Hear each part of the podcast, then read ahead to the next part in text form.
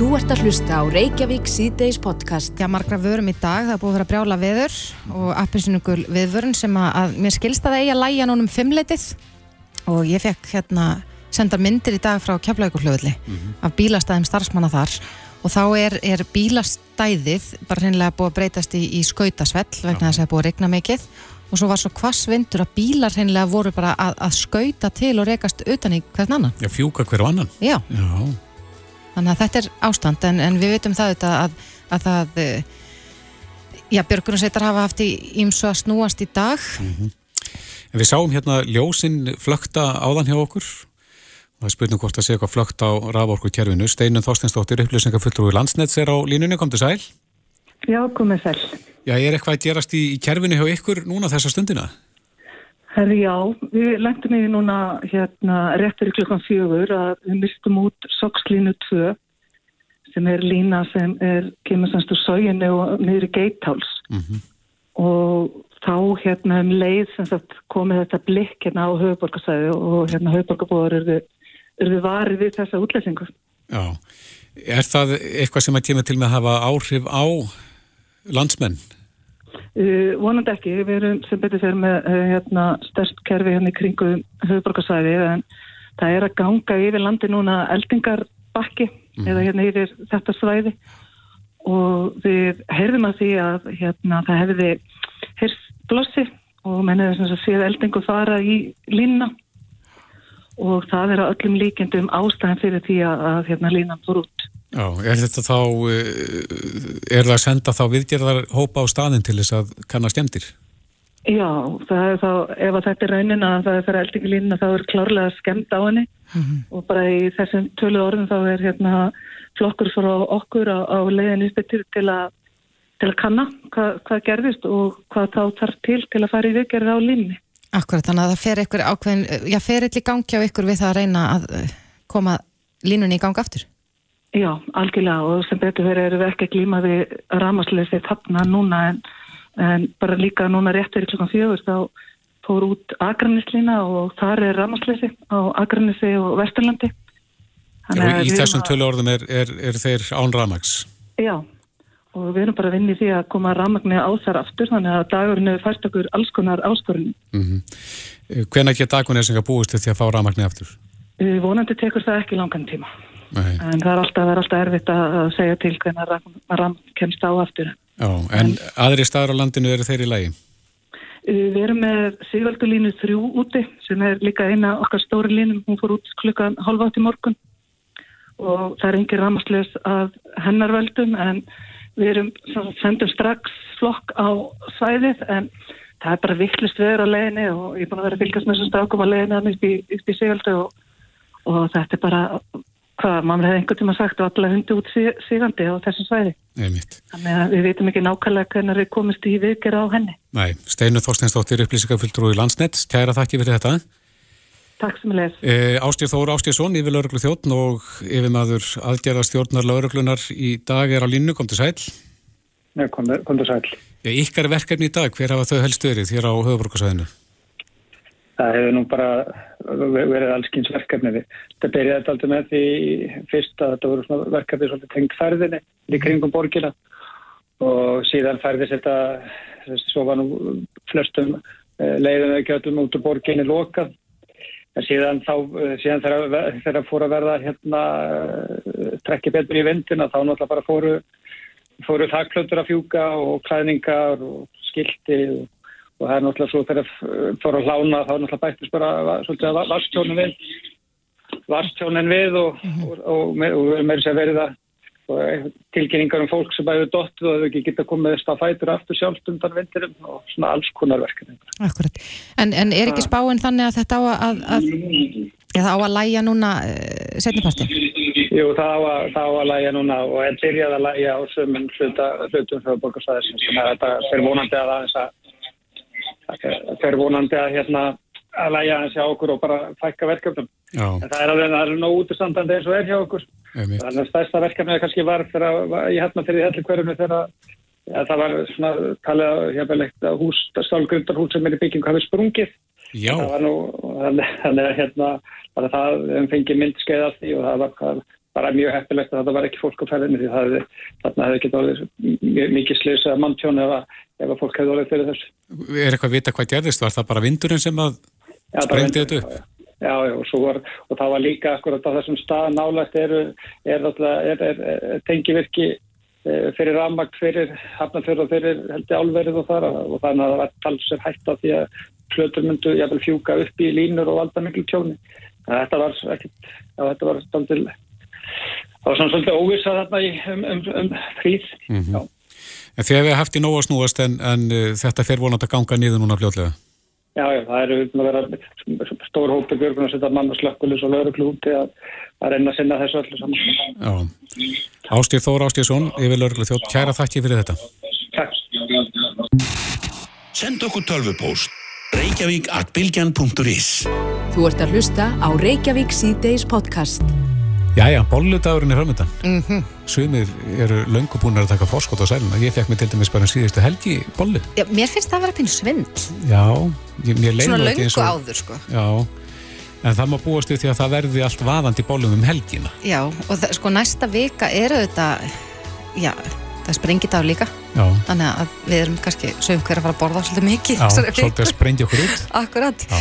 En það er spurning, sko, ég, ég hef heyrst af því að það séu fjölmarkir sem að eru með bollu kaffi núna um helgina, sko, og lögða þetta á sunnudag, bjóða, kannski er maður ekkert endilega laus á mánudegi til þess að vera að hitta vinn og ættinga, mm -hmm. en það er spurning hvort það sé brjála að gera í bakarjum landsins. Já, við erum með á línunni framleysistjóra bakaramestarans, Garðar Svein Tannberg, eða Tannberg, kom til sæl. Hæ, hæ, kom daginn. Er mikið að gera ykkur í dag við að undibúa stóra daginn? Já, við byrjuðum á bólunum á miðvíkudaginn. Mm -hmm. Já. Og svo er bara, svo er undirbúningur sem sagt fyrir morgudaginn og alltaf helgina, það er bara stafslös vinna, eins og maður segja. En að því að bolludagurinn er á mánudaginn, er hann stærstur svona í sölu á bollum eða er helgin stærri? Uh, bolludagurinn er stærstur. Já. Og líka þá, því þá erum við með fyrirtæki sem hafa pantabollur og mag, svona maglega sé, þá er það langstæsti dagur. Mm -hmm. en, en eins og ég saði á þann, þá hef ég svona heist í kringum með að fólk er mikið að hafa bolludagskaffi helgina fyrir bolludagin. Er, er mikið selt um helg, helgin áður? Já, það er svolítið fyndið undarfærin á. Þá er það annar hvort dagurinn, annarkort lögadagurinn eða sunnudagurinn. En vitið þið fyrir hann hvort dagurinn það er? Nei, það er nefnilega, þú veist, og við verðum bara að vera svolítið að tánum og, og, og þreyfa á öllum búðurum og hvað er að fara mikið og gera meira þá. Mm -hmm. Vegna þess að stundum ef þetta verður lögadagur, þá er kannski fólk að, einmitt eins og sagði þér áðan, þarna fá fólk hindi sín í kaffi og annað, eða þá er það sunnudagur. Já, já. En hvað bakiði margar bólur? Er, er komin áallin um það? Já, það er komin áallin um það. Við svona reynum, alveg í fyrra þá slóðum við nú öll með mm -hmm. og, og við svona förum svolítið eftir bara pöntunum hvað er að koma, reynum svolítið svona lesi einhverja tölur ef maður getur orðað það þannig. Uh, við förum rétt yfir 80.000 bólur. Já. Og hver er stiftingin á því vastegsbólur og svo gerdegsbólur? Er, er, er vastegið að taka yfir? Uh, við í fyrra ákvöðum það að hætta með gerdegsbólur. Nei, nú er ég alveg steinhissa. Ég er ger, gerdegskona. Mikil. Já, mér fannst, þau hefur alltaf fundist það að vera betri en í fyrra ákvöðu það. Við vorum með svo kalla vínabröðsbóla sem að er, er, er ger er gerbóla í rauninni en bara vínabröðsteg Já, já Ok, það hljómar aftur Já, það, hún er mjög góð, við erum með svona svona vínarveistla bolla heitir hún og hún er með uh, íslenskum rjóma og vanilukremi og núgati mm -hmm. og solberjarsöldu og lokið er þess að sett í glassur og, rifi súkula ofana og svo settur snjóri yfir þetta er sko Þetta er bara listaverk Tekja manna máltíð sko, Mhm. nánast Já, þetta er algjört listaverk Já, en ég rakst á, á matarvef mbl.is núna í vikunni á, á sko eitthvað umfyllunum bollu ársins þar sem er já, kannski að sjálfsögðu eitthvað svona piparlakrís Já. uh, gummilaði eru þið með svona eitthvað sérstakar bollu eða bollu ársins? Nei, við erum bara með okkar klassísku bollur og það eru allar bollur ásins sko Já, en e- eru þið eitthvað að bregða út af læginu? Nei, ekki, ekki þannig. Við breyttum jarðabærjabóluna þess, við erum komið með svona bleikan glassur yfir hana og svona frostþurkuð jarðabir sem er stráð yfir það en við höfum við ákvæðum bara það að vera bara með okkar það sem við höfum verið að gera og það hefur alltaf virkað vel Já. Hvað má maður borða marga bólur? Eins og maður getur í sig láti, ég var einhvern veginn með þá, með þá reglu í haustum að maður mætti bara fá sér eina, en svo sagði Kristoffer mér í gæra að hann fengi sér nú nokkrar. Já, Já, það, það er náttúrulega kannski líka eins og með gerbúluna, hún er náttúrulega rosalega þung mm, í maga getur er, er hans letara Vastegið er léttara. Mhm. Og svo gerir rjómin allt betra. Já, rómi gerir allt betra. Já. og vitið hvað, ég- við erum að sprauta mörgum lítrum að rjóma Nei, við erum í 4600 lítrum já, Það er ekkert annað sprautaður rjómi já. Hvað eru, hvað eru margir, sko, nú bara fyrir að hugsa um hversu mörg handtök þetta eru að sp- sprauta þessum 4600 lítrum að rjóma á, á Sko. bollur? Hvað eru margir að vinna við bollugerðina? það, sko, það, það er eitt sem sér um að þeita rjóman og svo eru fjóri til fimm aðrir að sprauta honum og svo er svo kallað plötuberi sem setur plöturnar á, á, á borðið og svo tekur hann plöturnar og svo þeir sem er að sprauta eru bara að sprauta. Mhm. svo fer að hvernig bollur út með og þá erum við bara með eitthvað, ef það er jarðaberja þá fer það þangað og karmela þá fer það þangað, súkulaði þangað og púnsbólan til dæmis. Þannig að þetta eru ansi mörg hand, handtök. Já, ég veit að það er margir konum með vatn í munni núna, svona rétt fyrir kvöldmatinn. Ég get staðfesta. Já, Já, gott. en uh, við segjum bara gangi ykkur vel með að, að græja bólur ofan í sem flesta. Já, takk fyrir það. Garðar Sveit Tranberg, framleysistjóri bakaramestarnas. Gleðilega bóludag. Já, sumulegist takk. Þetta er Reykjavík C-Days podcast. Heims ástandi eins og ríki núna, þá eru mörgotna líta og uh, við erum náttúrulega höfum fundið fyrir áðurna þessi innrás hófst inn í Ukrænu og þá voru við þannig að finna eins fyrir uh, hækkun á vöruverði, hækkun á vöxtum, uh, verðbólgan er að rjúka upp en þetta er nú alltaf til að bæta gráðuna svart, Nei, þessi innrás. akkurat og, og, og já, ég las fréttir af því í morgun að þetta var sko, já, versti dagur í kauphöllin í langan tíma. Og, og svo erum við þetta að sko, ef að þetta stegmagnast þetta, þessi innrás rússa í Úkrænu mun stegmagnast og jafnvel breyðast út þá er spurning hvað áhrif þetta hefði til dæmis bara á efnahæðin hér á landi. Já og uh, ég tala um heimilisbókaldið. Björn Berg Gunnarsson uh, sem er frangotastjóri og er deildastjóri greiningar og fræðslu hjá Íslandsbanka er komin til okkar, velkomin. Takk fyrir það. Já, þú ert múin að skoða þess málið og náttúrulega þekkið þetta mjög vel. Hva, hvaða uh, áhrif getur svona krísa haft á okkar persónulegu fjármál? Það er nefnilega það sem er, er svo eðlilegt að við séum að spyrja okkur að núna og þó að það sé nú alltaf leðilegt að þurfa að, að eh, veita loðin svör að þá fer það auðvitað bara allt eftir framvindu mála og við vitum ekkert hvernig framvindan verður. Nei.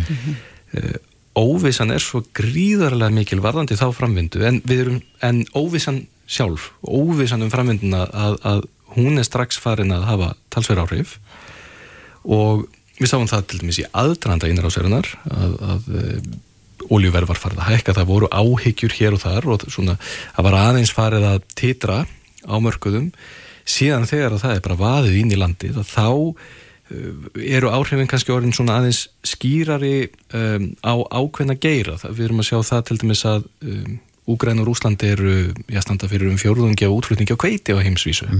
Og, og við sjáum kveiti verð hækka. Um, rússar eru, eru gríðarlega stórir í útflutningi á, á jarðefnælisneti og, og kólum, gasi og olíu.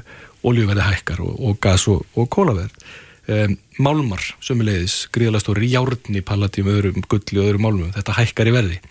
Við sjáum það líka gerast að, að sem gerist nú nánast alltaf þegar að, að, að mikil óvisa fylgir, fylgir strísátökum og, og slíku er að það er verið að flýja í var. Bandar ekki dólar styrkist. Það er verið að flýja, flýja þanga þar sem fólki til sig upplifa eitthvað öryggi. Og þetta er í rauninni bara allt eftir bókinni. Þetta er það sem við, við myndum alltaf gefa okkur að myndi gerast ef að þessi tvö lönd myndi lenda í einhverjum áflóðum mm. Hvað gerist síðan hérna í frá er mjög erfitt að segja. En ef við sjáum þessa fyrstu tvo daga að þá uh, sáum við ákamla miklar sveiflur, gríðarlega miklar lækkanir í gær á, á hlutabriðverði sérstaklega upphafidags bæði hér heima og, og, og, og við Erlendis gekk svolítið tilbaka undir lókdagsins uh, og sömulegis á ráfuruverðum þau eru að hækka mjög skart en þessar miklu sveiflur hafa að, að, að nokkur leiti gengið tilbaka í dag. Daginn í dag verið sem að fjárfæstars hafi svona aðeins tekið sér tíma til að setjast niður og meta það hvort að það hefur mögulega verið fullangt gengið í gær. En við erum ennþá, það er ekkert búið býtin nálinu um hvernig, hvernig þetta lendir allt saman. Hvað var þar heimilisbókaldi vegna þess að þið spyrjum um það og þá gætu þá er, er, er svona það sem við kannski lítum mest í er það sem hefur bara beint áhrif á verðbólguna hér á landi til dæmis. Um, krónan gaf aðeins eftir hún, hún svo sem hefur ekki, ekki brúðisnið sérstaklega mikið við þessum tíðundum en, en um, jú, innflutningur á ákveðum maturum sólblómolíu, kveiti og öðru og auðvitað olíuverð. Og olíuverð hefur bara mjög mikil áhrif á okkur. Ekki bara bensín á dælinn, flutningsverð hinga til lands og, og annað. Eh,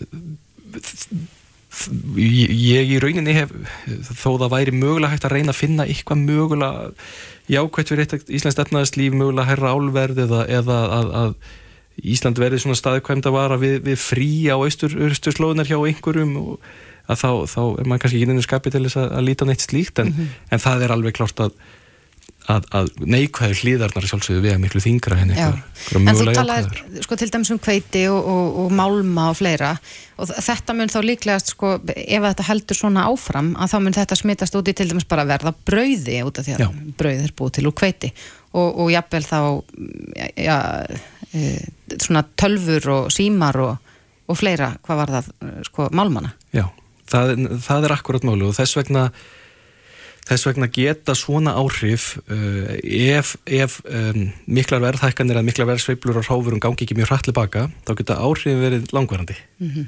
Og við sáum það, við getum kannski búið þetta einhverju litið saman við það fyrir uh, nokkrum árum, séu, þrjú ár síðan, tvö og þrjú ár síðan, þegar Bandaríkinn og Kína fóru svona í smá störukeppni eða í rauninni ákveði tollastrið. Mhm. Fóru svona hækka vilja vekk, svona fram og tilbaka í einhverja tolla.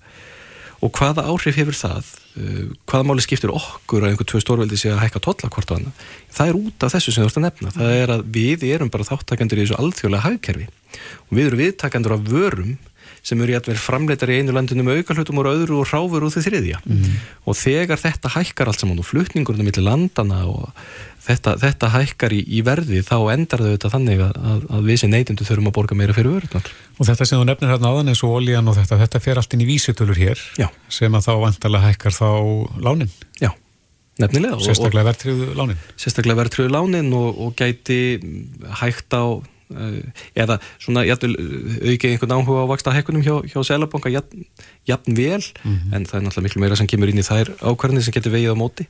En já, við, við ættum öll að fylgjast með þessum já, vera, vera búin undir þessi áhrif. Og það er eins og alltaf þegar við erum að fara inn í mikið óvissu tímabil þá er svo mikilvægt að við hvert og eitt með okkar heimilis bókaldi við reynum að búa okkur til eitthvað smá sveirum þó að það hafi ekki allir möguleika á því að leggja kannski aðeins aukalega fyrir eða, eða draga aðeins saman í neyslu að passa okkur örlíti tímabundið að þá er það mjög gott fyrir þau sem geta það Já. búa til smá sveirum, vera tilbúin því að verðbólgan geti jættul hækkaðin frekar Akkurat, en við erum svona eiginlega að sigla út úr einu svona óvissu tímabili yfir í þá annað óvissu tímabil. Já. Uh, hvaða áhrif hefur það? Gerir það spána enn dekkri? ég myndi halda að, að eh, við séum tiltöla lánsum með eitt hérna á Íslandi þrátt fyrir allt sem er það að, að nú í dag erum við að aflétta eða er búið að aflétta hér takmörkunum því að þrátt fyrir allt er nú opið hinga til lands og við gætum fengið hér ferðamannaströym um, ef hann verður eins og áður hafi verið spáð og, og, og þessar og framvinda mála hefur ekki meira áttur áhrif á, á ferðavilja fólks um, þá mun það styðja okkur mjög vel við það að um, að geta tekist á við þær áskorunni sem að fylgja mögulega efnagslega að um, að einhverju markaði lokist og okkar vörur til, við erum svo sem ekki einhverju meiri háttar viðskiptu við þessi tvö lönd, svona tiltölulega takmörkuð en, en það ætti að hjálpa okkur. Þannig að það, það er að sjálfsögðu miklu miklu skárra fyrir okkur að að, að, að svona þessi meiri háttar áhrif af COVID-verinu séu jættvel að fjara út þó svo þetta sé að taka við heldur en að þetta hefði farið Gerst á hvort á sama með tíma. annað já, það hefði verið talsveit erfiðara Já, en eins og segir, þá þurfum við að fylgjast stóldi með hvernig, hvernig þetta þróast, hvað varðar já, verð á ráfuru, ólíu og, og fleiru til þess Já. að geta verið meðvituð. það er nefnilega bara mjög hilbjörnt og gott að fylgjast vel með því og, og ég vil líka bara ítrekka það að það sem okkur hættir svolítið til er að vegna þess að sitja allir límdir við fréttinar og við erum að fylgjast með því sem er að gerast á einum eða tveimu dögum. Mhm. svo heyrum við stjórnmálaskýrundum og, og stjórnmálafólki og öðrum tala um þetta gæti verið mjög langar og stórt og mikið tímabil. Maður, uh, mann hættir stundum til þess að alhæfa út frá einum degi. Eins og dagurinn var í gær að þannig verði framtíðin. Og dagurinn í dag þá er markaðar einstaklega ganga tilbaka og þá er allt saman orðið gott. Já. þurfum að passa okkur svolítið á því að, að þrátt fyrir allt þetta, þrátt fyrir einhverja dagsveiflur að þá er óvísan alveg að mikil og hún var í morgun og í gerðmorgun og þar áður og, og þess vegna uh, er gott að fylgjast vel með taka ekki á mikla áhættu passa sig, uh, reyna að leggja aðeins, aðeins fyrir svona búist við því besta en, en vera viðbúin því besta Já. Björn Berg Gunnarsson, deildastjóri greinikar og fræðslu hjá Íslandsbanka. Kæra þætti fyrir komuna. Þetta er Reykjavík C-Days podcast. Við ætlum að tengja okkur við fréttamann okkar, Snorra Málsson. Akkurat, mér skilst að, að stöðtöfu fréttir ætla nú að vera með puttan á púlsunum hvað varðar skemmtarnalífið spáð því að það muni já, mikill fjöldi fólks flikkjast í miðbæri Reykjavíkur í kvöld þegar öllu hefur verið aflétt og Snorri Másson er á línunni, kom til sæl Snorri komið sæl og blessi. Já, hvað ætli þið að gera í tengslum við þessar afléttingar í, í fréttunum? Já, sko, við ætlum bara að gera það sem gerum við síðast. Við fórum 27. júni niður í bæ og uh, þar var eiginlega allt miklu brálaður en við gerum ráð fyrir þá og uh, já, nú er örgulega komin enn meiri óþreyja mannskapin, þannig að við ætlum að fara. Og þó að veðrið sé nú ekkert kannski eins og uh, endalausri sumarnóttu þá held ég nú ef ég þekki íslendinga rétt að þeir látið það ekki stöðva sig, þannig að við hljótum að hitta einhverja þetta uh, galvaska fulltrúa skemmtanlífsins sem við getum tekið tali og spurt út í já, svona hvernig það er að vera með nýfengi frelsi uh, en þetta eru þetta svona að vissu leiti málum blandið sko að því að við, það stóð til að gera þetta en, en uh, síðan skellur á stríð í Evrópu eins og þið hefði nú aðalega strakið í uh, löngum máli ykkar útastætt og munum við örgulega fjalla um og við höfum öll bara verið að fjalla um á fullu og eiginlega engin rætt nokkuð annar skapaðan hlut. Mm þannig að það verður svona spurning hvernig fólki líður mert það sko. Já, heldur að það muni setja strikk í reikningin eða býstu við já, miklum fjölda, mjög miklum fjölda í kvöld?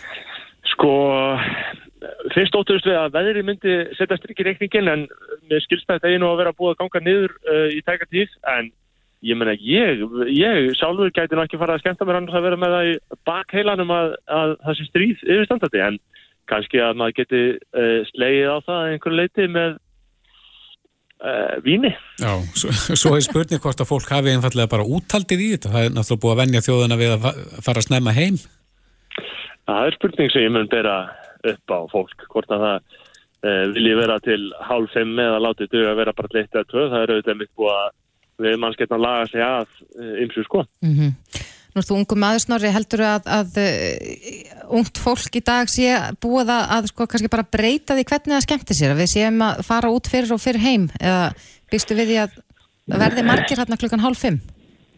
Sko, að vera til hálf fimm í bænum er bara ákveðin listgrein og það er, það er allir sem taka ákveðin tímabil í sinni æfi þar sem að þau stunda það. Hvort sem það er vegna uh, hjúskaparhátta eða eitthvað slík sem að fólk stilur eiginlega þörfu á að, að freyja þorran alveg til enda. Uh, þannig að ég held að það sé alltaf spurning um hagsmunni hversu eins og uh, ég held að það sé verði alltaf eftir spurning eftir uh, stöðum sem loka ekki fyrir alveg á síðanstu stundu. En ég sjálfur uh, mér líður afskaflega illa þegar ég þarf að vera til hálf fimm um nótt og koma heim klokkan sex eins og auðmingi og vakna alveg í rugli. En ég held að margir láti hafa það og ég er alveg staðröðin eða sem sagt vissum að það verði einhver svona í kvöld sem eru sannarlega að því sko. það, það er bara, þetta er þannig kvöld og það liggur eitthvað í loftinu þáttur eins og þessi stríð í Evrópu Einmitt. En það var nú verið að grínast með það á samfélagsmiðlunum í gær að núna þegar að það er hægt að taka þessi PCR-prófa þá er þið hjúkunarfræðingarnir sem að hafa staðið í ströngu við það þegar verið færðir yfir á húð og kyn. Jú og það er auðvitað annað að Þórólur hefur auðvitað alltaf startastöðut vara við því að við Íslandingar erum öðrumestari klamið því og svo var ég nú að ræða fólk nýlega sem var að benda það þar sem að læknar sem brenna fyrir kynfæslu uh, voru að benda það að íslenski kartmenn eru uh, meira og minna hættir að nota smokkin þannig að það eru auðvitað líka grav alvarlegt og mm -hmm. uh, þannig að það er aldrei að vita ég hugsa allan að þetta kvöld í kvöld verði ekkit bóta í þeim eftir Nei, ættum við ekki bara að hvetja landsmenn til að setja öryggið á ottin og ganga hægt um gleðinadir? Jú, ég held að sé alltaf ástæðan að gera það. Já, Snorri Másson, takk fyrir þetta og góða skemmtin í kvöld. Reykjavík síðdeis á Bilginni podcast. Þið komist nú leðar ykkar, klakklaust. Akkurat. Það nú að fara að ganga niður og ég sá nú hérna á vef vegagerðarinnar um, að uh, margir sem er að annarkvort þurfa að komast sko til Reykjavíkur eða austur fyrir fjall. Hellisið og þrengsla verið lokað í dag en það segir hérna að það sé búið að opna veginn þar að segja helliseiðina til austurs en er lokað til vesturs en stýttist í opnun og uh, þrengslin er ennþá lokuð, segir hér Já, þetta eru góða frettir, en, en sko þegar að veðrið er svona eins og það hefur verið í dag, Mhm. þá er gott að hugsa um vorið, Jú, það þykir mér. það er alveg Og satt. það er einn ákveðin vorbóði sem að, hefst á morgun og það er söngvakefni. Já, það er fyrra undanúslita kvöldið á morgun og uh, er ekki hvað fimm lög? Jú, mér skilst þetta sér þannig að það eru fimm lög sem að keppa á morgun, tvö lög komast áfram og svo eftir viku, sérst á lögadaginn eftir viku, verða önnur fimm lög og komast tvö lög áfram og svo held ég að þessi eitt svona wildcard lag sem kemst líka áfram, þannig að það verða fimm lög sem að keppa til úrslita uh, já, eitthvað tímann í mars, Já. minni mig. Hildur Tryggvadóttir Flóens, uh, formaður Fásis, er á línunni, kom til sæl. Já, komið, blessa sæl. Fásis stendur fyrir félag áhuga fólks um söngvakeppni Európsku sjónvastöðu, ekki? Jú, hár rétt. Akkurat, en eru þið ekki spennt? Jú, við erum bara alltaf mjög spennt á þessum tíma og sérstaklega fyrir söngvakeppninu, sko. Já. Hvernig líst þér á uh, framlögin í ár eða lögin sem keppa? Er þetta, sko, stefnir í svona meira spennandi keppni heldur en, heldur en hefur verið undarfari fyrst, fyrst okkur, sko, og mér. Mhm. Það sem að, hérna, ekki alveg eins uh, að stundum koma svona augljósi sigurvegara eða svona svolítið augljósi, sko, maður sem að gæti auðvitað að spá fyrir. En nú er svona jafnari keppni sem er bara að gera þetta ennþá meira spennandi og, og svona ólíkur hópur af listafólki sem er að fara að koma fram sem að er líka mjög skemmtilegt. Átt þú uppáhaldslag þarna af þessum tíu sem að keppa? Ég er ekki alveg komið þangað, það verður alltaf svolítið svo endanum en ég þarf alltaf að, að hlusta svolítið mikið til þess að komast niður á það sem var svo bettur eitt og eitt út sko. En, hérna, en, en mér finnst mörg mjög skemmtileg og, og hérna, ég er búin að sjálf, eh, búin að býja lengi eftir haffa haffa aftur í, í söngvakefna, þannig að ég er mjög spennt að sjá hvað það að gera á sviðin á morgun. Já, hann er með uh, Gia Já, eða Volcano. já, Já. en það er svolítið lag sko. Já, þau eru mjög ólík lögin, Þa, það má segja það. Það má heldur betur segja það, það er sko, við erum á morgun, erum að fara að sjá svona, kannski svona rólegt, uh, svona fallega rólega balluðu með hann Stefán Óla, við erum með svona, svona stærri balluðu, kannski svona hjartnama með Stefán Jú Svavars, Mhm. þess öðruvísi, svo er hérna, svo er hérna, Amaróis eru með svona nett og hlæslegt popla, svona útvarslag, hérna, svona útvarsvægt lag sem að, svona mjög skemmtilegt og svo er þetta hérna, hafði hafði sem voru að tala um með svona kannski stuðla kvöldsins og svo er þetta lag þetta Leilo sem að er hérna svona hjartnæmt og heitir um eitthvað hækkandi sól Já, það um og, og vorbóðan Sigga, Beta og Elin sem að flytja það, ekki satt? Já, jú, það er Akkurat. En, en hefur þú mikið verið að fylgjast með, sko, við veitum það, þetta var ekki Melody Festivalin í, í Svíþjóð núna um daginn, hefur verið að fylgjast með, sko, öðrum löndum? Já, svona aðeins hef ég verið að fylgjast með. Mjöldi-festivalin er í, í fullum gangi og, og úrslitin verða sama kvöld úrslitin hjá okkur.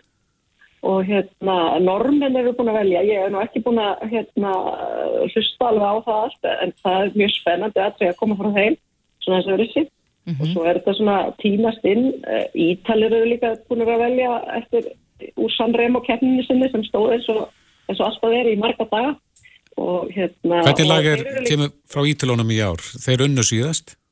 Já, þeir unnu síðast, það voru heimvalli og þeir eru meður sko eftir í veðbjörnbónum eins og er sem er náttúrulega kannski ekkert að matta uh, svona þegar eftir að koma en, en þeir eru með svona hérna, það eru tefna fram tömi strákum meðal annars Mammut sem flutti ítalska lagið uh, í söngvakefn uh, í Eurovision 2019 með góðum árangur sko Já. og þau, hérna, það verður spennend að sjá hvernig þeir uh, koma því á svið laginu sínu svona á heimaðalli sko Akkurat. og hvort þeir vinna aftur Já, en nú hefa sko augu allra beinst að Rústlandi og forsvarsmenn Norrænu sjónvastöðana sem að senda keppendur í Eurovision hafa haft samband við uh, söngakeppnina eða, eða samband uh, Evróskra sjónvastöða og lagst gegn því að rússar fá að taka þátt í keppninni í ár. Hefur fylgst eitthvað með þessari umræðu? Já, já, við fylgst aðeins með þessari umræðu og, og hérna er bara eins og, eins og held ég við öll erum að fylgjast með hvað er að gerast í Úkrænu og, og svona hugur okkar er þetta hjá hérna, fólkin okkar þar og hérna og við bara, við bara fylgjast með og, og, og ekkert óæðilega viðbröð að hólfu sko sjóastöðana hérna, þetta norræna sjóastöðan hvað, hvað vil Eurovision heimurinn aðdáðundinni gera? Vilja þeir sniðganga Rúsland eða Það, á pólitík ekki að skipta máli? sko, það er örgulega bara mjög missann að skoða á því eftir, eftir hverjum einum einstaklingi en við svona, hérna, okkur þykir svona, ekki við byrjuð EPU svona, svona dæmigert fyrir það hvað hefur verið þegar að taka pólitísku málutefnum en, en, en staðan eitthvað skjönnu núna og okkur þetta ekkert, ekkert, ekkert óeðlilegt að rússum er þið vísa á keppni, sko.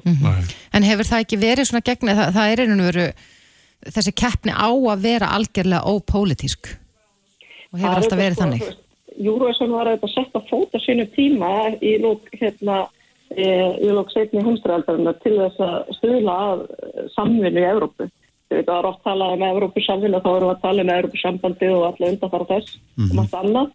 En þetta er var svona og er annar samráðsvettvokkur og samvinningartákn í Evrópu þannig að hérna, hérna, þetta, þetta hefur, hefur að sjálfsögðu haft hérna, áhrif á Evrópu samvinnuna. Akkurat. En uh, já, söngvakeppnin hér á landi verður eflaust spennand og eins og þú segir að þá er þetta mörg mjög góð lög að keppa þarna en, en mm. sko, mér leikur forvitna að vita hva, hvernig heldur formaður fáses upp á, já, til dæmis eins og morgun, fyrsta kvöldið í undankeppninni? Já, e, við þurfum og hérna erum að fara mörg úr fásis bara á keppnina sjálfa upp í Guðunissi, kepptum okkur bara með það og það reynum að ég alltaf að gera sko að, að, að þegar er hægt að fara á keppnina þar að fara og við hittumst alltaf aðeins fyrir líka og fáum okkur gott að borða saman og svona og svo bara fara í höllina og, og fylgjast með og hafa gaman. Já, en það eru tvö lög sem að komast áfram með ekki eftir, eftir kvöldið. Hva, viltu giska á hvaða lög það verða sem komast áfram? Sko ég er bara búin að hugsa þetta við mikið og mér er bara mjög erfitt að spá núna sko.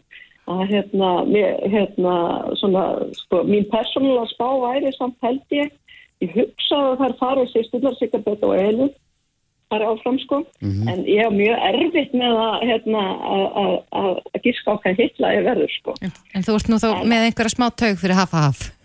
Já, það væri mjög gaman. Það væri bara svo hressilegt að- að að sjá, sjá hérna, eitthvað, sjá, hérna, sjá hann aftur og, og í kemdinu sko. Já, Og svo veitum náttúrulega Már Gunnarsson sko, sem er í janúarauð þegar að, hérna, náttúrulega heitlaði allir på spónum í, í, í, í olimpíuleikunum í fyrra þannig að hann er náttúrulega áruglast sterkar þegar í mörgum. Já, það eru hérna, það er ímislega sem að spila inn í, en, en setna, setna kvöldi er það mjög ólíkt fyrir kvöldinu.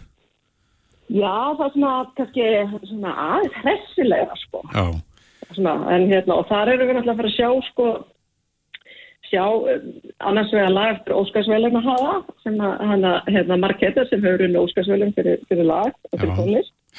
Og þetta Reykjavíkur dæpur sem eru svona sleggju líka og lag eftir Jópi og Króla hana, hérna, og svo Sveinbrunnar og, og, og Vala Sport þannig að þetta eru svona mikla keppur á ferð. Akkurat. þannig að hérna, það verður líka spennandi að sjá Akkurat. Já, það er auglust að þetta verður spennandi keppni en Hildur Tryggvadóttir Flóvens, uh, formaður Fáses, við segjum bara gleðilega hátíð og takk kærlega fyrir þetta.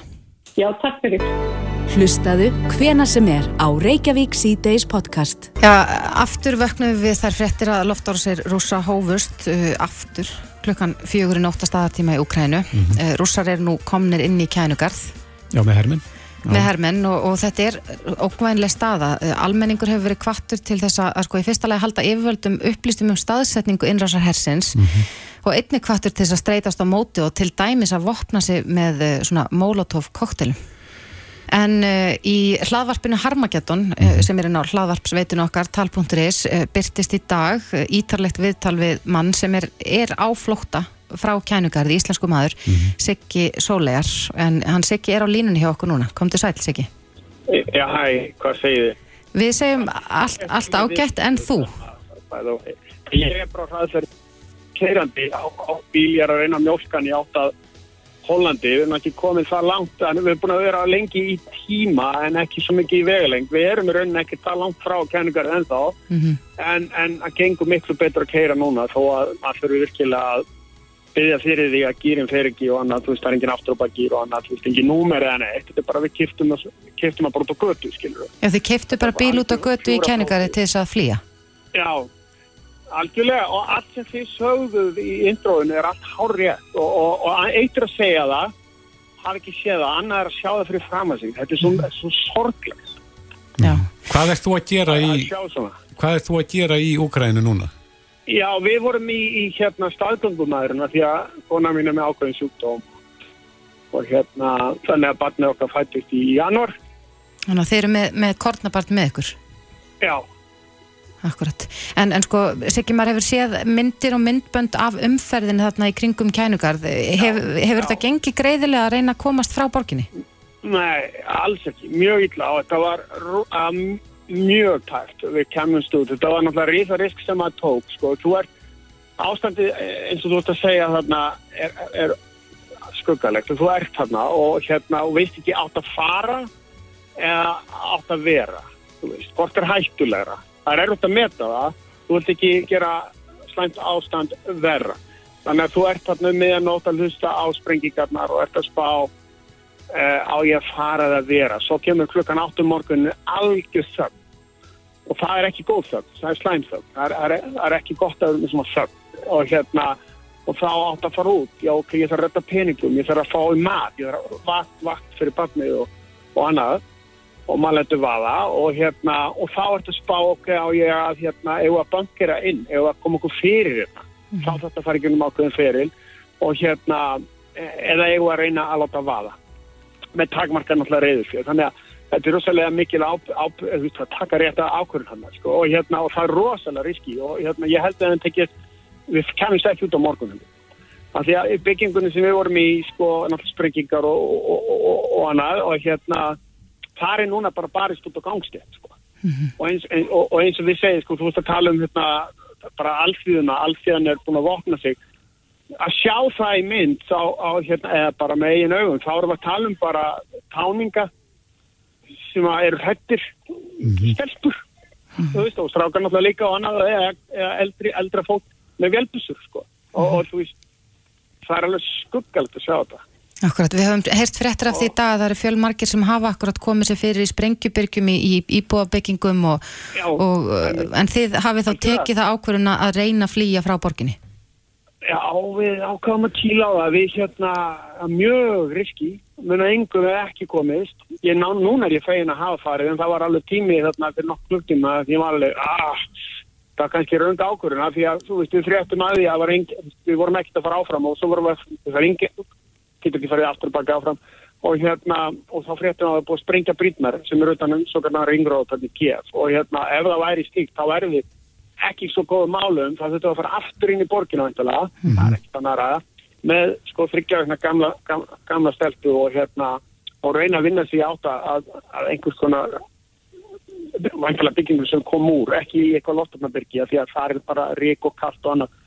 Þannig að fara aftur í það, þetta relatíf öryggi sem við vorum í skilur og það er ömuleg er En Hvert er, hvert er stefnan núna tekin? Núna er bara Póland, við erum bara eh, í vestrátt, förum við langt og við getum, eh, og hérna, svo var annað, við vorum ekkert með mikið af bensín, en, en svo fundum við bensinliðinni, þannig að það er fara að líta miklu út, út og hérna, og trafíkinn er að fara miklu hraðar og hérna, og ég er ekki eins og að myndi bara fara allar leið, sko. Nei, en hafið þið fylgst með því hvernig staðan er já, á leiðinni frá kænugarði að, að landamærin Pólans? Já, við erum með ágætist teimi, sko, ég hérna, við töluðum náttúrulega við, við unnum með auðrækisráðnættinu, það er frábæra fólk sem er það og við erum með alveg fólk að fylgjast nokkað ferðum sem er alveg að gera sko rútcheck á, á, á, á leiðinni og annað, hver- hvernig, hvernig þetta er alltaf fróð. Þannig að það, við erum í beinu sambandi við fólk sem er að fylgjast með þessu og hérna, við vitum svona, reynum að vita hvað er undan okkur. En rússar eru,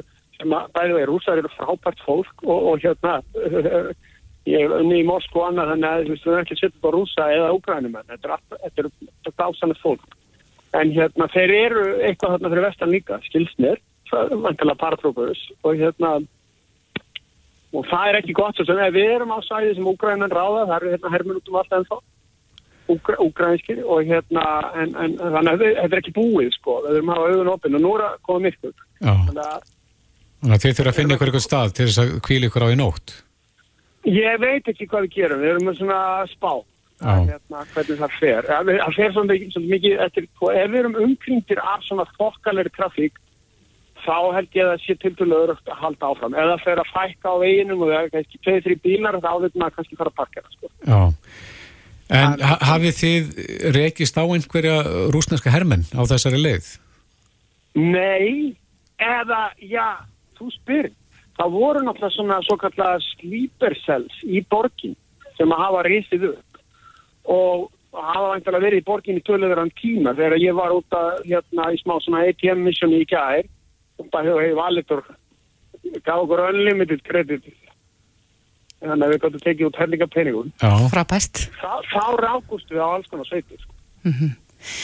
og maður veit ekkert hvað það var sko. Og þá voru það bara greinlega sko, annarkvæð vigilandís eða, eða sagt, e- ekki, ekki þessi normal við. Já, svona vopnaða sveitir. Já, þetta eru vopnað sveitir og maður veit ekki sko liti ekki út fyrir að vera sagt sko þetta standard sko trúp sko. Það var eitthvað, eitthvað annað sko, svona, í svona kannski, þú veist, crisscross fatnaði og annað og, og greinlega svona undisciplin, með, með eh, svitabandið og þú veist, þið hafið séð þetta við. og hérna og maður veit, maður veit maður ekki tala því sko. Nei, en Siggi, þið, þið farið þarna út til þess að já, eh, sækja dóttur ykkar um, grunaði á einhverju tímpunkti að, að, að það myndi koma að þessu á meðan þið værið þessu ferðalagi? Nei, en sko þetta hefði svo sem ekki breytninu og ég var búin að ákveða það að þó að myndir ráðast inn og segja mér stelpan er ekki tvætt þá fær ég hérna bara á kameldýri skilur. Ég myndi, kom, ég myndi fara inn.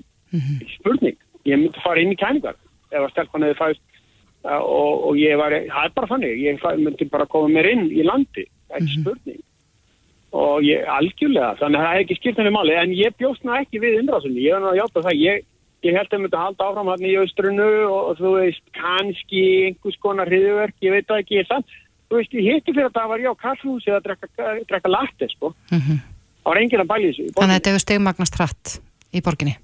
Þetta gerðist bara, þú veist, hérna, þú veist, eitt morgunin var ég að drekka latte og bara croissant og svo bara, svo eða svo um nóttina byrjuði að springa það, sko. Akkurat. Og svo var bara allt bara á hliðin. En, en er líðan ykkar þryggja góð? Mjög fín, það er þreytt, uh, stelpan er indisleg og hún sefur og kona mín er náttúrulega einn besta koni í heimi, þannig að bara lítu bara rosa vel, sko, og hérna, og þólimæði og bara ótrúlega haft liðskilu. Já. Já. Þetta, þetta, það er oft þannig samt í svona geimi að, að það er alveg ótrúlegustu einstakleikar sem að þú býst við að sé þessi koma út sem hetjunar, skilur. Nei, einmitt. En er, erst þú tilbúin í að eitthvað gerist, einhver, einhver átök? Hvernig bregðist þið við ef, að, ef þið lendið í einhverju... Veistu að við, við, fyrir ekki að við erum svolítið berstripu núna, en við erum á plan C hérna sko Já, og þetta er orðið svolítið, það er ekkit, það er ekkit mörg option í stöðinni lengur, það er ekki nema það okkar fólk náttúrulega út ekki stráðunetið og alls konar og þeirra teimi og annað eru bara búin að skópa út svona, svo veist, safe, sko, þá, svo veist, hvað er kallað, safe houses, Já. þú veist, sem eru bara hnitt með og við getum, þú veist, droppa þar inn, ég meina safe house er ekki, ekki, ekki neitt. Stamper. þannig að auðvitað ekki sráðundið er, er með ykkur í að teikna upp flótta leiðina. Hvað, fyrir ekki, hvað þau? Ég segi þannig að auðvitað ekki sráðundið er með ykkur í að teikna upp flótta leiðina. Þetta, er svoleiðis svaka flott heimi það. það er, þetta er sérþjálfa fólk með frábært heimi og gengur bara málið. Já.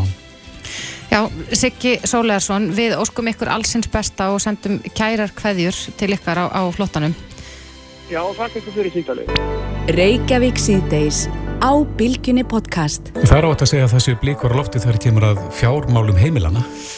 Já, eh, það bárust fréttir af því í dag að verðbólga hefur aukist í 6,2%. Já. Þetta eru nýjar fréttir og, og það tala um að sko, verðhækkun á húsgögnum og heimilisbúnaði frá því í janúar 7,5% hækkun hafi haft ja, mikil áhrif á þessa hækkun á, á vísutölu neysluvers. Einmitt. Og svo hefur náttúrulega Sælbankin verið svona í stýrivexta fasa Mhm. um upp á síkastið og, og sér ekki frendan á því.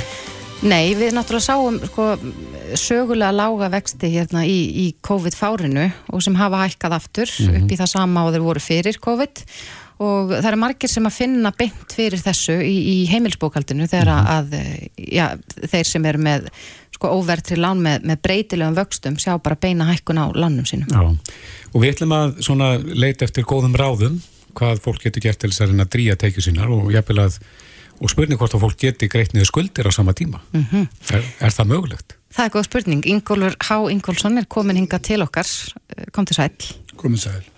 Já, já, þú hefur mikla reynslu af þessu að, að já, ráðuleggja fólki og, og kenna fólki hvernig hægt er að leggja fyrir. Já, það er rétt. Gre greiða niður lónsinn, mm -hmm. byggja upp sparna á saman tíma, alveg börsef frá því hverjar uh, tekjurnar eru og Mm Geta allir lagt fyrir? það geta allir gert það. En um, það tekur svona, maður gerir þetta svona mislengum tíma, sem við getum gert þetta í kannski eitt mánuð, aðri getur gert það yfir lengri tíma, en hvort heldur sem er það, þá er eitt megin atriði í því að stýra fjármálunum sínum, er að rækta þennan útgjaldalið sem ég kalla sparnað. Alltaf að byrja á því að leggja þess fyrir þó að þú þurfið síðan að uh, taka þú út eitthvað tíman í lokmánuðarins. Mm -hmm. Að byrja því að leggja fyrir. Það, það fyrsta sem maður á að gera þegar maður fær til dæmis bara útborgu launin á bankareikning? Já, alveg sem að svo vonlist það lítur út fyrir að vera. Le leggja það til hliðar og kannski þarfti að sækja þetta uh, í lokmánuðarins kannski þarfti ekki að sækja allt og ef þú gerir, gerir það ekki, þarfti ekki allt þá ertu byrjuð að byggja upp sparnað, alveg sem að hverja teikundar eru og Mhm. alveg sem að hverju önnur útgjöld eru. Nú er mjög einfalt með þessum banka uppum að búa til reikning, á maður að búa bara til sparnareikning og byrja því að leggja inn á hann Já. Millifæra. Já. Hvað mikið? Sko við skulum bara nota uh, þess að heilugu tölu 10% af uh, útborgarlaunum Það er tíundin. það er tíundin, já. Já, einmitt. En þú hefur líka verið í gegnum tíðin að verða að tjana fólki að greiða niður skuldir. Er það besta fjárfestingin? Já, sko, eina leiðin til þess að komast svona, komast í það, þá stöðu að uh, hafa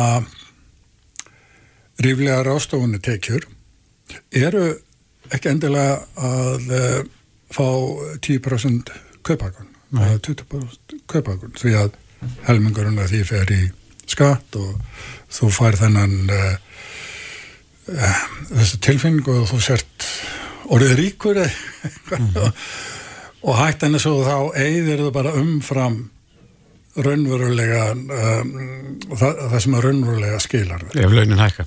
Já. Nú, en ef þú greiðir niður lán þá getur séð til dæmis að uh, hafa verið 40 ára húsnæðislán og uh, það er á til dæla háumvakstum sem bara eins og vextir eru í dag ef þú með tíð og tíma getur stytt hennan uh, lánstíma kannski um 2-3 ár þá jafngildið það því að þú sért að lækka uh, vextina. Því að vextir hafa um, engin áhrif nema þeir geti dúla sér en nokkuð langan tíma. Ef þú stittir þennan tíma sem að vextirinn geta unnið þá ertu í raun og veru að lækka þá. Mhm. Það fyrir minna í vexti heldur en hefðu gert annars. En hvort er mikilvægara, og við tölum um spartnað að leggja fyrir sko 10% af, af útborguðum launum, ætti sá peningur að fara beintin og höfustól láns eða ámaður alltaf að eiga varasjóð? mm, Já, alltaf við eiga varasjóð.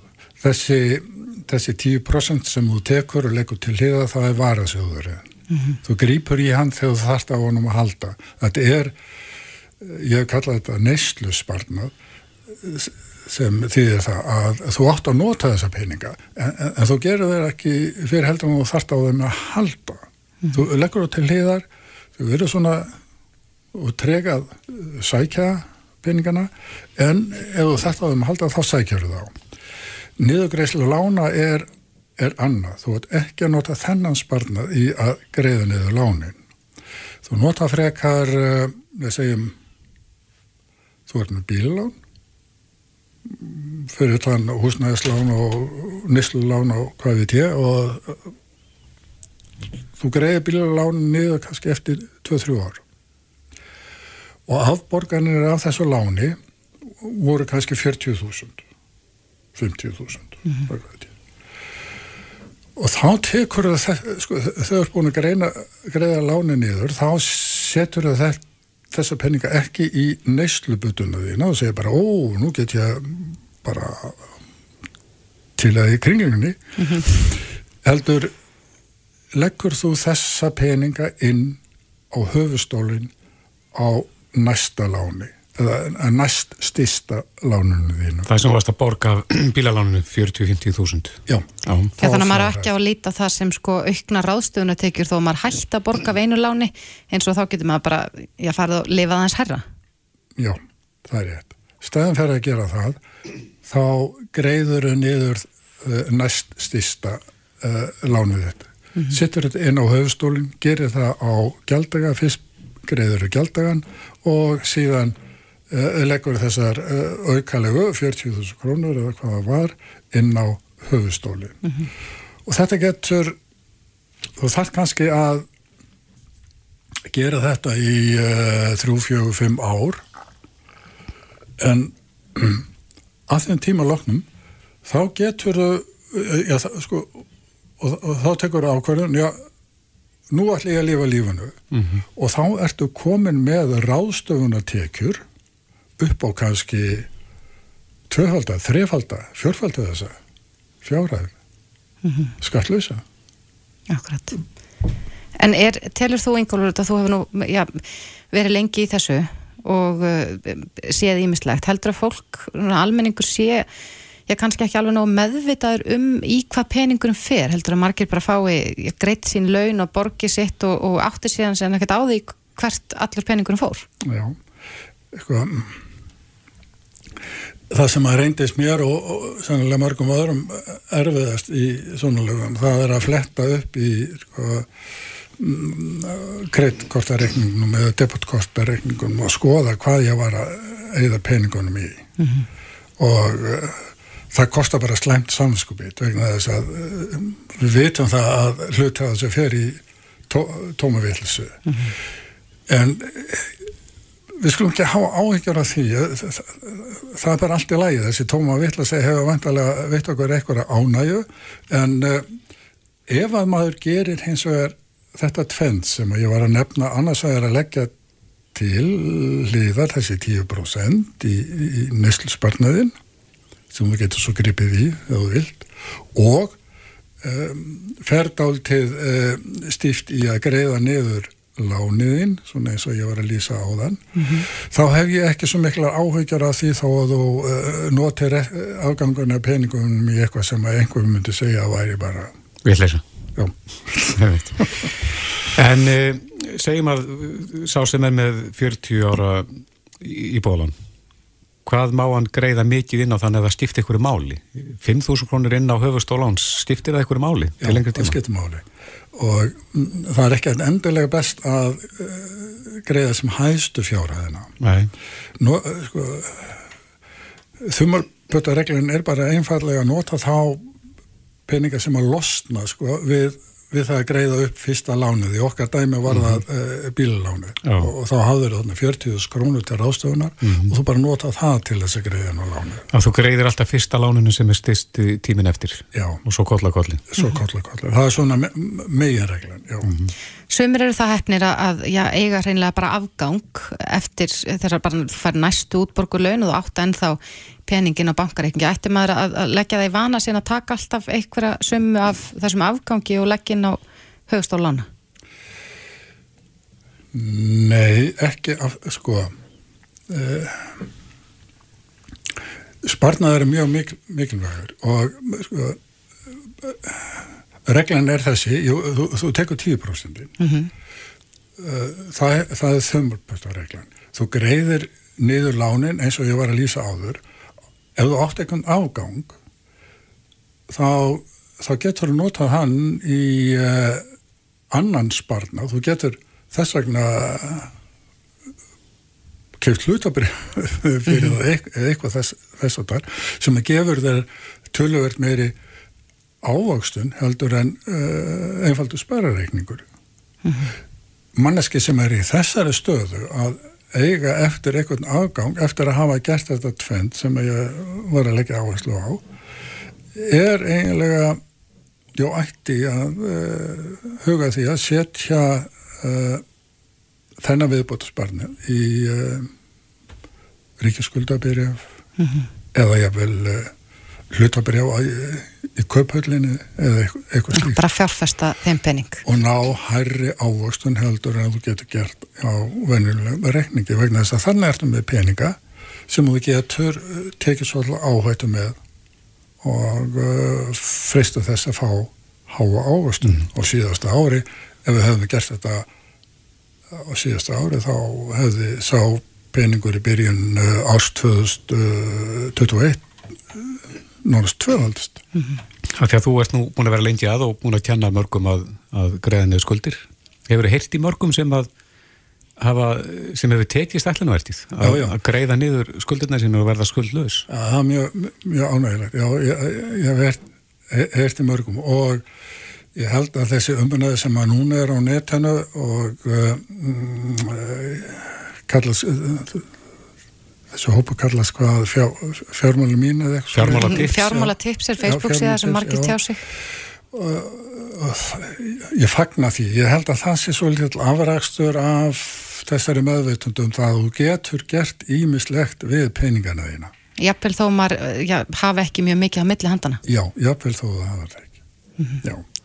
Já, þetta eru mjög góð ráð og ég vona að þetta gagnist einhverjum hlustundum sem að já, vilja læra að spara Ingólfur Há Ingólfsson, takk kærlega fyrir komuna Takk fyrir mig Reykjavík síðdeis á bylginni Tala mikið um færðina og í gær heyrðu við í, í fyrirhandi borgarfulltrúi Reykjavíkuborg sem sagði já, að snjómokstur í borginni var í ruggli mm -hmm. en uh, ég tók eftir því, ég var að keira hérna bílastæðinu fyrir utan í gær og, og það var smá bíl fyrir fram að mig og ég nú reyndar líka sjálf á smá bíl já. en hann svona skautaði alveg svakalega til mm -hmm. út af mhm. því að það var svo illa rutt að það munaði minnstu að bílinn hefði sko bara tekið 360 gráður og utan í annan bíl. Já, akkurat. Og svo eru þessi smábíla líka, þeir eru svolítið að leggja, eh, sko lenda á hrygnum, svona klaka hryggjum mm -hmm. sem að myndast þegar að hjólfurinn hérna dýfka. Akkurat. Og sögumir smábílar, þeir eru bara í því að skafa uh, götturnar fyrir snjórinins hérna fyrir borgina. Mm -hmm. En uh, það er spurning hvort að það hefur lagt mat á það hversu mikið tjón verður á byrðum af þessum völdum svona, þegar að svona virar. Akkurat, á línu hjá okkur í dag er Runolfur Ólafsson, framkvæmdastjóri FIB. Kom til sæl, Runolfur. Já, komið sæl. Hefur verið lagt mat á þetta? Er eitthvað vermiði sem hangir á þessu? Sko, það er ekki kannski búið að meta þetta. Við þetta erum í frekar óvinnlu ástandi, þetta er búið langvarandi ástand núna, eins og til að mynda hérna mest að þéttbílnu, það sem mestu skadarnir verða vegna fjölmennis. Já en þetta verður vantarlega líkur fyrir innan örfára, örfára vikna hver kostnarinn er. Það er bæðum að ræða þetta fólk sem verður fyrir tjóni, personur og leikandur í, í þessum, þessum vesinni sem að sumir þurfa að bera sjálfur, aðrir geta að leita eftir, eftir því að fá sín tjó, sitt tjón greitt hjá tringafélögum mm -hmm. og svo í einhverju tilhugum ber veghaldari ábyrg og þessi heildartala leikur ekki finna, það er alveg ljóst að þetta er, þetta er gríðala háa fjárhæði sem er að, er að tapast þessa dagana. Er mikið um það að fólk leiti til ykkar svona til þess að kanna stöðu sína? Já, já það er leiti til okkar til að meðalans að kanna stöðuna og hvort að það sé mögulega um að ræða tjón sem að er hægt að leita til tryggingafélagana varandi bætur fyrir og eða hvort að þetta varði þá hugsalega ábyrði vegaldara og uh, við erum með svona tjón sem er óvinnileg, það er fólk er að skemma bæði hjólabúnað undir vagna vegna, vegna þess að myndast hólur eða kvörf og svo líka eru hryggir. Þannig að, að undirvakstjón eru, eru mjög mikil og við sjáum líka bara, bara erum við að keira út í umferðin eða lappa að það er mjög mikið af svona hlutum, bílarhlutum sem við sjáum liggja, svona plast, eh, kantar og annað sem kemur undan bílum. Og þetta er allt eitthvað sem að, sem að vegur og, og kostar þegar upp í stað að þarf að laga þetta.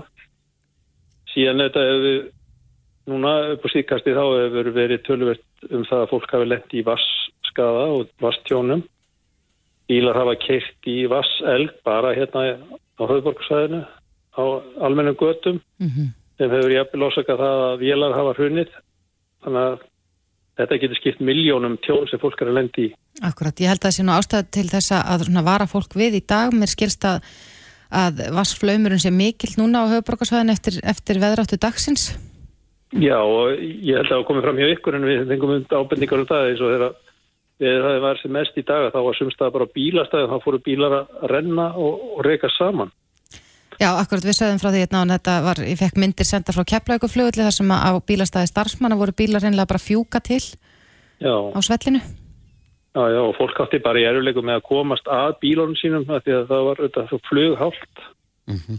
Mannbrotarnir eiga núna að vera uppi við eða til eru. Já, akkurat.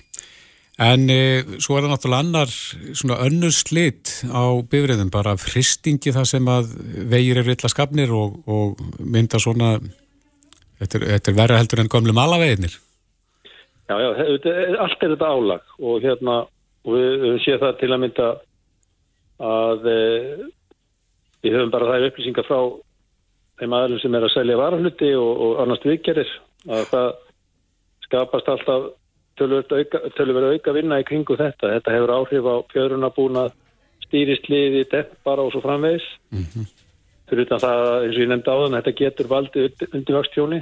Það er samt jákvægt þannig skili að flest eða öll tryggingafjölun hafa tekið upp e, viðbótar viðauka í sínum kaskoskilmálum varandi það að undirvakstjóni er bætt.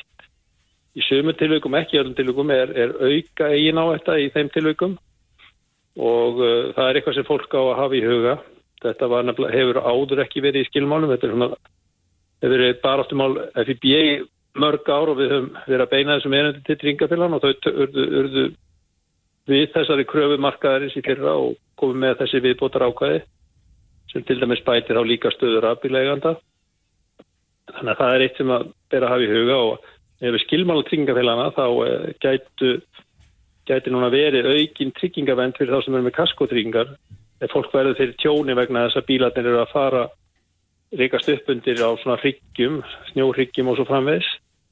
Þess að það líka alltaf að hafa í huga að við akstur við aðstæður. Þannig að það getur, getur verið varasamt og fólk áður ekki að vera á ferðinni hér að er rauð eða apsýningul viðverun, sérstaklega ekki rauð. Þannig að allt, allt þetta verður að hafa í huga en og segi, þetta eru í miður þessu fylgja veruleg tjón fyrir fólk. Akkurat. En þú talar um þá þannig að já, einhverjir af þínum félagsmönnum hefur haft samband. Getur þú ímyndað hversu, já, hversu margir eða hversu mikið tjón hefur orðið bara út af því hvernig snjóruðningur hefur verið að undarhörnu? Já, ég tók það nú saman bara í þessari viku erum við sko með sko, sjö bara bein mál sem er verið að vinna í sem tengja svona atbyrðum. Mm -hmm. Þannig að það er ekki nema hluti sem skilur sér til okkar en, en, en hérna uh, þetta sínur svo kannski umfákið við erum almennt ekki með þessi mál mikið uppi við. Nei. svo líka eitt sem er mjög mikilvægt að því að ef það myndast sem dæmi hérna hóla að því að nú er ástandi þannig að það er búið að vera frost og plaka brinnjurjapeli yfir vegum og svo sko kemur tíðan og þá brotnar upp um albygginu og það myndast hverf og hólur að tilkynna það að það getur þá hjálpað ef þú lendir í hólu hugsalega lendir þú í skaganum en það getur hjálpað öðrum vegfærandum það er mjög gott og við erum bara með til dæmis heimasíði FIB, það heitir vegbót.is þá er þetta að skrá hvar hóla er þá fer tilkynningin beint á viðkomandi veghaldara. Bara að þú getur skráð hvaða gata eða hvaða vegur, sirka hvar setur punktið þar og það eigur þá hérna ábyrð veghaldarans skakast í að breyðast við. Og alveg svo núna er vassægi veghaldarar eins og á höfuborgarsæðinu þeir eru auðvitað að hafa eftirlit með því að ræsin séu, séu losuð það sé ekki verið að mynda flóð á vegum vegna þess að það eru, það eru lokur ræsi vegna ís eða eitthvað slíks, eitthvað slíks. Og ef ástandið er mjög slæmt þá eiga þær að loka vegum. Á það líka við þegar að vegur er illa skafin og það myndast hvassa brúnir eða mikla deldir vegna klaka? Já, það gæti átt við ef þetta er talið hættulegt umferð og, og vegfærandum þannig að þá er ábyrði veghaldar er til staðar þannig að hann, hann verður að hafa þetta eftir með ástandi vegarins. Akkurat. Svo kemur inn í þetta líka sem við vitum að það er þessi hérna þegar þegar að skapast neyðar ástand þetta forsmæjár, það getur aftur á móti verið verið eitthvað sem að vinnur með veghaldara á einhvern tímapunkti en á, í flestum tilvíkum á veghaldara þetta alltaf að vera á tónum. Akkurat. Já, Runolfur Ólafsson, framkvæmdastjóri FIB. Kæra þakki fyrir þetta og góða helgi. Sumleist, takk góða helgi.